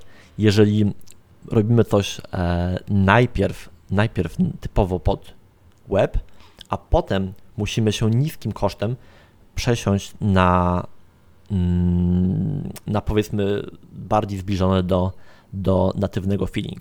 Mhm. i wtedy możemy sobie prowadzić e, u serwis workerami mm, operowanie na danych offline, synchronizację danych dopiero po połączeniu z siecią, Mhm. dostajemy dostęp do, do peryferiów, możemy sobie przypiąć stronę do ekranu startowego i ukryć pasek przeglądarki. Mhm. Tak więc użytkownik, który weźmie Twój telefon, kliknie w ikonkę aplikacji, otworzy mu się ekran startowy, coś tam się pokręci spinner, uruchomi się, klika, no działa. A co to jest? Strona internetowa. Ale jak to? No normalnie. Mhm. I tutaj idea PWA naprawdę robi robotę. Moim Okej. zdaniem. Myślałem, że to jest coś, co. Ale to pewnie zginęło w gąszczu e, innych hypowych tematów. e, Może po prostu. Raczej tak, bo to się, to się ciągle rozwija, ciągle toczy, Okej, tylko czy- czy już nie feature jest chyba aż takim gorącym tematem, bo się okazuje, że nie każda aplikacja PWA musi, musi być. Mhm. No bo jeszcze mamy Elektrona, o którym dzisiaj nic nie powiedzieliśmy. Nie, nie, nie. A to jest dopiero desktopu. pożeracz Tak, ramu. Wyciągnąłem teraz. No to jest. To jest pożeracz. No, widziałem taki artykuł, gdzie rzeczywiście deweloper no, bardzo się nie zgodził z tą ideą, czemu my potrzebujemy, żeby uruchomić apkę, ciągnąć Chromium, cały runtime, żeby po prostu odpalić desktopową aplikację, że to po prostu jest jakiś insane, że mamy natywne API w systemie, WinAPI czy na Linuxie, czy gdzieś, Mhm. a my po prostu ciągniemy jakieś takie zewnętrzne silniki, żeby to uruchomić, nie? I Ale widzisz, jest. I o, tutaj mogę dać taką klamrę odnośnie w ogóle webu. Dlaczego web moim zdaniem jest fajny? Mhm, dawaj. E, bo jest totalnie multiplatformowy. Tak. Czyli nieważne z jakiego urządzenia, z jakiej przeglądarki, to już może być istotne. Mhm. Nieważne z jakiego systemu operacyjnego wejdzie ci użytkownik i tak zobaczy to samo. Dlatego też Electron jest tak popularny, e, bo piszesz aplikację raz i odpalisz ją na każdym systemie operacyjnym. Stworzysz Mhm. sobie buildy na e, macOS, Linuxa i Windowsa i tyle, i pozamiatane. Bardzo podobnie, jeśli byśmy chcieli pójść w stronę mobilek i użyć rozwiązań typu React Native bądź do, z Reactem bądź NativeScript, z Angularem, bądź e, Vue też ma swoje rozwiązanie. Nie pamiętam jak się nazywa, ale wiem, że jest. Mm, I potem też zbudować sobie dystrybucję na wszystkie popularne systemy operacyjne e, mobilne, czyli Androida i iOS-a. I też mamy to, mamy to właściwie z bomby, piszemy codebase raz. To jest argument. To jest na, na pewno argument, ale no, trzeba jeszcze przekonać właśnie ten, ten biznes, że sorry, memory, musimy ci troszkę tutaj. To jest mała apka, waży 200 mega, no ale mało kto chyba dzisiaj na to patrzy, kiedy te zasoby są po prostu duże, do, raczej są duże dostępne, nie? E, Zamieniamy Miejsce. jedne problemy na drugie. Tak. Okej. Dobra, czyli no można tak powiedzieć, że przyszłość frontmendu, wymienianie jednych problemów dr- drugimi i tak się toczy, nie? Tutaj w tej e, działce frontendowej, no ta dynamika zmian e, jest duża. Ja nie wiem, jak w ogóle, e, skąd czerpiesz wiedzę i jak ją utrzymujesz, czy na jakimś Mhm. poziomie, bo ja mam wrażenie, że to wszystko tak pędzi, że dzień w dzień musisz tam, wiesz, czytać, bo inaczej to ty... Tak naprawdę czy- aktualnie moim głównym źródłem jest Twitter. Mhm. E, mam wszystkich twórców bibliotek, których używam, bądź które gdzieś warto obserwować, mam wyobserwowanych. No i na tym wallu pojawia się masę badziewia, często gęsto, no ale gdzieś tam staram się go przekopywać. Oprócz tego mam, mam jeszcze z Medium jakąś subskrypcję, mam subskrypcję z Dev2, Mhm. z odpowiednich topików. No i tam się pojawia często dużo, dużo śmiecia. Totalnie Mhm. rzeczy, które mnie nie interesują, a na które szkoda tracić czasu. No ale muszę się jakoś przed, przed nie przekopać. Jeszcze nie, nie wymyśliłem jeszcze tak dobrego systemu Mhm. filtrów, Okej. który by to Mhm. zrobił za mnie. No to jest jednak y, duży problem, nie? Nadmiar informacji. Dużym problemem jest i odsianie tych naprawdę takich, które nic nie wnoszą, które robią taki szum. E, Pamiętam jak ja y, przygotowywałem y, DevNewsy, to wręcz trafiałem na strony, które generowały automatycznie artykuły tylko pod słowa kluczowe i te strony nawet potrafiły się dobrze em, zindeksować, wiesz, w Google'ach, że mi wręcz Google to proponował, nie? O. Ja wchodzę, a to jest po prostu wiesz, 100 słów takiego badziewia, takich tylko typowych słów kluczowych Mhm. i nic artykułów nie wnoszący, nie? Chwytliwy tytuł, to wszystko. Masakra. Masakra, no co zrobić? Dobra, Michał, to co? Zamykamy, kończymy ten odcinek? Y, Można by mówić i mówić, nie? Można by ciągnąć dalej temat. O, to jeszcze możemy rzucić słowem odnośnie web, komponentów. O, Mhm. Nie wspomniałem o tym, że nieważne, który z tych popularnych frameworków wybierzecie, jak albo już wybraliście i Mhm. chcielibyście gdzieś wskoczyć w web komponenty albo tego reużyć jako web komponentów, to też macie opcję. Angular ma Angular Elements, React nie wiem, ale pewnie coś ma. E, Vue w najnowszej wersji, chyba od trójki, też potrafi już zbudować sobie web komponenty, więc Mhm. nawet jeżeli używacie już jakiegoś popularnego frameworku i chcecie gdzieś reużyć tych rzeczy w totalnie innym rozwiązaniu, w innym frameworku, no to web komponenty tutaj są dobrą, dobrą drogą. Mhm. To tak, tak mi się przypomniało odnośnie web komponentów i tego, że Mhm. to wszystko jest niby takie totalnie, wiesz, różne i odległe, ale gdzieś, gdzieś dalej się łączy i jest wbrew wszelkim pozorom na jakimś poziomie reużywalne. Mhm. Jakbym miał tak e, podsumować e, e, statystykę słów dzisiaj wypowiedzianych, i, e, czyli i ich popularność, to tak, web komponenty to jest chyba to, na co warto zwrócić uwagę w, w, w najbliższej przyszłości, o ile nie, o ile już teraz powoli nie wsiadać do tego. Już czasem też już były głosy, że Pociągu. web components is dead, web components się rozwija. testy To jest taki, to jest ge- generalnie taki temat, wiesz, temat rzeka. Mhm, mhm. E, Wydaje mi się, web komponenty, web assembly, wydaje mi Mhm. się, że tak. Szczególnie jeśli ktoś siedzi w, w backendzie, to myślę, że, że warto na to spojrzeć. E, No tutaj my jesteśmy blisko Microsoftów, więc Blazor, nie wiemy co się dzieje u innych tam na, w Javce, czy coś jest w tym temacie. E, Blazor, TypeScript jako taki język, alternatywa dla JS-a. Mm, Jeśli masz już JS-a ogarniętego, to wsiadaj do, do TypeScripta. E, PWA to też jest coś. E, Spa, nie wiem, może już się przejadły. Warto wiedzieć, że coś takiego jest. Po prostu je robimy. Większość aplikacji, których używacie, Mhm. to są aplikacje SPA Mhm. i tyle. I, I zauważcie, że tu tylko poruszyliśmy właśnie takie, w ogóle nie poruszyliśmy toolingu, ja miałem wypisane tutaj e, e, narzędzia, ale to byśmy ugrzęźli na kolejną godzinę, jeśli byśmy zaczęli gadać o webpackach, e, starych gruntach, gulpach i e, innych jarnach, to jest w ogóle... Nie, nie, to, się- tego się nie obejmie, ale te, te rzeczy, które wymieniłem przed chwilą właśnie, to jest chyba coś, na co e, warto zwrócić uwagę i jeszcze tylko rzucę słowem klucz Angular I- Ivy, Ivy? Mhm. Czyli Ivy. Nowy, Nowy, nowy kompilator, no. tak. E, Dawaj, Gdzieś- kilko, szy, szy, ki- kilka. Szybko padło pytanie mm, na GitHubie, czy on będzie rewolucyjny. Trochę tak. E, a trochę tak. Celem w ogóle wprowadzenia Ivy jest bar, troszkę bardziej.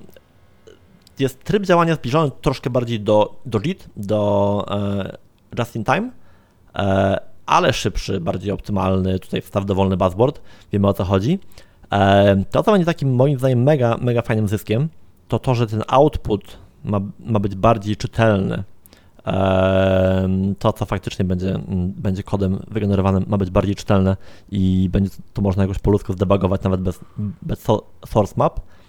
Plus, fajna rzecz, out of the box, jeżeli dodamy sobie jakieś polifile, to w zależności od tego, z jakiej przeglądarki wejdziemy e, i pobierzemy naszą aplikację, to my te polifile dostaniemy lub nie. Czyli jeżeli wejdziemy z IE, IE 10, e, tam IE 11, e, to dostaniemy pewnie cały szereg polifili do, naszych, do naszej aplikacji. E, Natomiast jeżeli wejdziemy sobie z najnowszego Chroma, to dostaniemy o wiele chudszą aplikację i Mhm. my jako deweloperzy nie musimy kijem, kijem tym ruszyć, bo wszystkim będzie się już e, zajmował, zajmował Angular i to będzie właśnie wciągnięte jako element Ivy. No to dobra, tak troszkę nakreślimy Ivy. Kurczę, muszę mniej jednak tych wymyślać wątków, bo już tutaj długo rozmawiamy, a to za dużo to też e, niezdrowo. Reacta, słuchajcie, drodzy słuchacze, zostawiamy na osobny odcinek, bo było coś o hooks, React Hooks, ale znajdziemy kogoś od Reacta, żeby tylko przelecieć e, Reacta. Dzisiaj tak chcieliśmy nakreślić ten mm, frontend, nazwijmy go przyszłość 2019, na co zwrócić uwagę. Michał, dziękuję Ci bardzo jeszcze raz, że y, wziąłeś udział w tym podcaście, znalazłeś czas i znalazłeś fajną miejscówkę. Tutaj y, w, nagrywamy w Gdańsku w sali Gdynia. Tak. Żeby było, Aby było ciekawiej. żeby było ciekawiej. Dziękujemy panu, który nagle zaczął wiercić. Nie wiem, czy słyszycie gdzieś tam w tle. Trwają prace. E, także Cyklum dzięki za, za miejscówkę. Jeśli ktoś ze słuchaczy chciałby podziękować, wesprzeć ten podcast jakkolwiek, więc nie trzeba wiele. Podzielcie się w sieciach społecznościowych informacją o tym odcinku, zostawcie e, komentarz pozytywny, negatywny. Każdy jest naprawdę wartościowy i wniesie coś e, do tego podcastu. Ja nazywam się Grzegorz Kotwicz, dziękuję bardzo za dzisiejsze spotkanie i e, do usłyszenia następnym razem. Dzięki wielkie. Cześć!